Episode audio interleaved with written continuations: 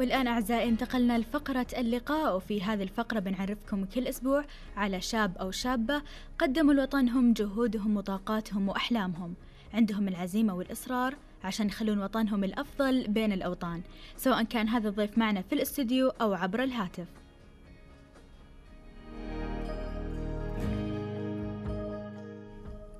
ضيف برنامجنا اليوم هو شاب من شباب الوطن اللي نفتخر ونعتز فيهم. هو طالب طب في جامعة الدمام. شغفه وحبه للعلوم والمعارف وحبه أيضا لنشر العلم بين الناس خلاه يشارك في تأسيس مجموعة السعودي العلمي واللي بنتعرف عليها بعد شوي في لقائنا معه. معنا ومعكم الشاب المبدع الدكتور فارس بو خمسين يا هلا فيك يا فارس. السلام عليكم ورحمة الله. أهلا أستاذة فادية. يا هلا فيك. آه، في البداية نبيك آه، يا دكتور تعرف المستمعين أكثر عن نفسك؟ شكرا. آه، أولا بسم الله الرحمن الرحيم والسلام عليكم جميعا. معكم فارس علي أبو خمسين طبيب امتياز ورئيس التنفيذي لمجموعة السعودي العلمي. أحب أن أعرف نفسي دائما كشخص شغوف بالعلوم وأحب أيضا استكشاف الآفاق الجديدة المدهشة فعلا اللي تفتحها لنا كل يوم. أؤمن أن التغير للأفضل طبيعة حتمية لكل المجتمعات حول العالم وأتمنى أن أكون نفسي جزء من التغير الإيجابي لمجتمعنا. جميل ما شاء الله يعني كلام جدا رائع. دكتور فارس ما هي مجموعة السعودي العلم العلمي وكيف بدأتوا في تأسيسها؟ بدأت مجموعة السعودي العلمي في عام 2012 أه، كصفحة فيسبوك على يد صديقي معاذ الدهيشي وهو طالب طب مبتعث في أستراليا. آه، بعدها بقليل انضميت إلى المجموعة وبدأنا بالتوسع تدريجيا والتنويع في أنشطة مجموعتنا.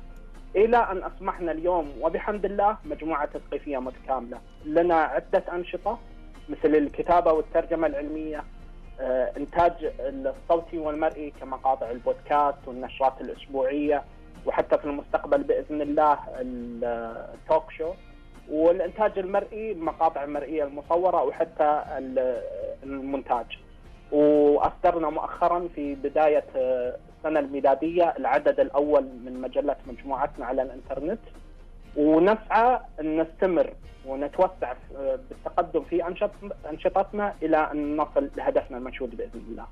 بإذن الله تعالى. طيب أنت يا دكتور فارس إيش اللي خلاك أو دفعك للعمل في مجموعة السعود العلمي؟ هل عندكم مثلا إيمان بشيء أو رسالة معينة تحبون توصلونها للناس؟ أكيد.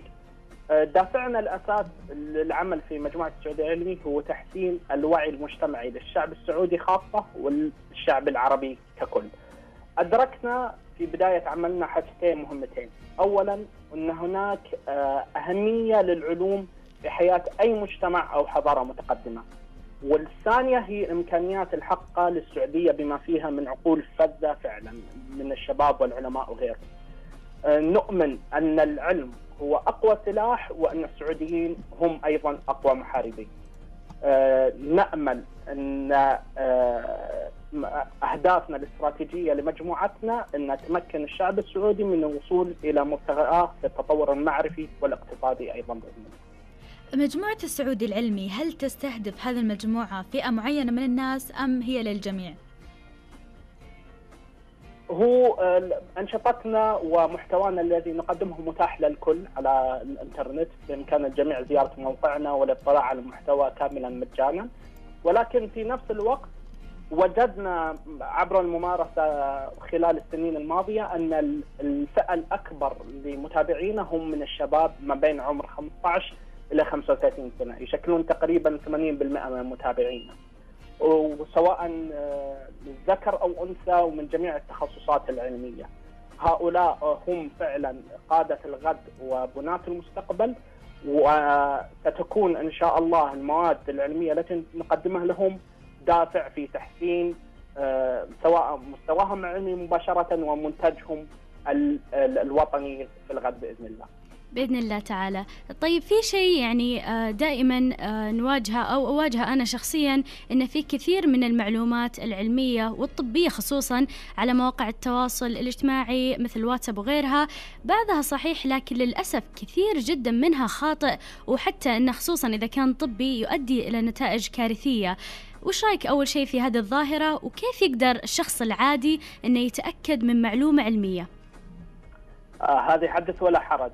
بالفعل أبسط ما يقال عنها إنها كارثيه زي ما ذكرتي. أنا شخصيا آه، لي أقارب اصيبوا بفشل في بعض الأعضاء بسبب الاستماع لمثل هذه النصائح. ومتأكد إن هناك الآلاف من المتضررين حول المملكة. مشكلة وسائل التواصل الاجتماعي مثل الواتساب والفيسبوك وتويتر وغيرها إن هذه التقنيات جاءت بسرعة وفي وقت قصير نسبيا أكثر من قدرة المجتمع على التكيف معها. مما سبب ظهور آه، الاستخدام الخاطئ اللي نشوفه اليوم. هذا يحتم على قادة المجتمع من الجهات الحكومية، علماء الدين، المدرسين وغيرهم أن يوعون الناس بطرق الاستخدام الصحيحة. هذا بالنسبة للشق الأول من السؤال. بالنسبة للشق الثاني يستطيع أي شخص أن يتأكد من صحة معلومة بخطوات بسيطة جدا. أولها وأهمها وأبسطها ألا يصدق أي رسالة تصله بدون مصدر رقمي رسمي أو علمي موثوق. وألا يتداولها أيضا مثل ما علمنا رسول الله صلى الله عليه وآله وسلم آه، آه، يقول في الحديث الشريف كفى بالمرء كذبا أن يحدث بكل ما سمع.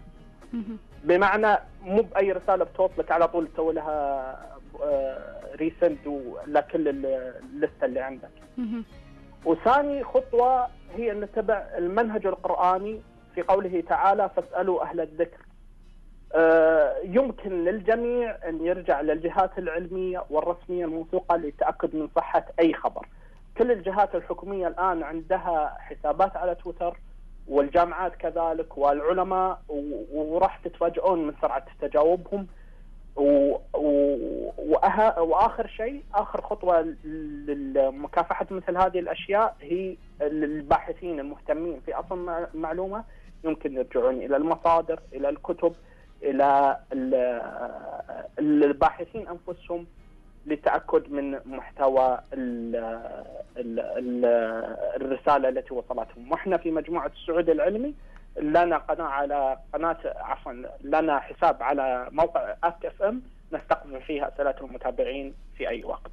نعم آه يعني بس عشان أوضح يا دكتور فارس آه إن في كثير من آه زي ما نقول المنتديات على الإنترنت هي تنشر بعض الأبحاث العلمية أو حتى بعض المواضيع عن طرق علاج مثلا آه بعض الأمراض أو هذه الأشياء. فهل هذه المنتديات مثلا آه لا تعد مصدر علمي؟ فالناس ما يعرفون للأسف يفرقون بين آه المصدر العلمي واللي ما ينفع يكون مصدر. في العادة يقول لك المصدر هو المنتدى الفلاني. هل هذا ينفع يعني يكون مصدر؟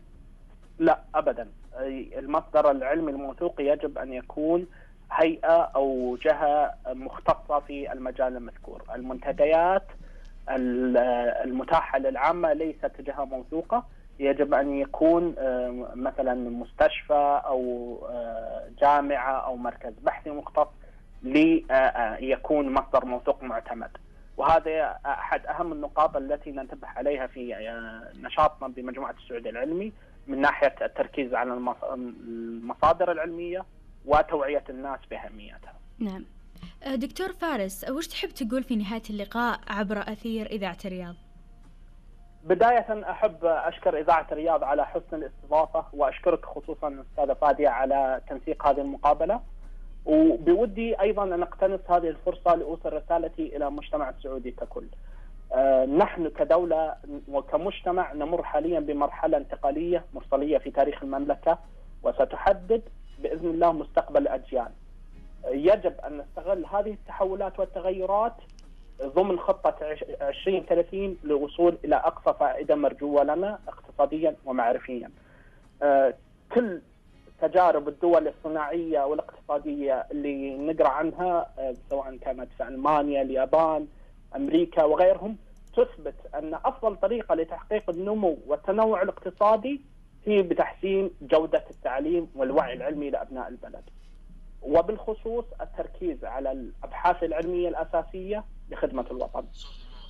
يجب أن نستوعب ونعي آه، جميعا أن أي مشروع تطوير اقتصادي ما بيكون آه، بفائدة آه، طويلة المدى بدون وجود تطور علمي مصاحب له. وهنا أيضا أحب أتوجه لجميع المستمعين بالدعوة للمشاركة أو الاطلاع على أنشطة مجموعتنا ونفتح كذلك باب التطوع في إنتاج المحتوى العلمي ويمكن أيضا تشاركون المحتوى بين الأهل والأصدقاء. ونتمنى أيضا من الجهات العلمية والحكومية السعودية أن توفر الدعم ورعاية أكبر للمشاريع العلمية التطوعية وأن تقدم التسهيلات لها وذلك لدورها الكبير في تقدم المجتمع معرفيا وعلميا.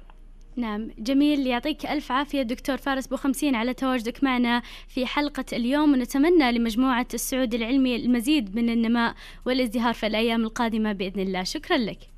بإذن الله. جزاك الله الخير السلام عليكم جميعا. شكرا لك.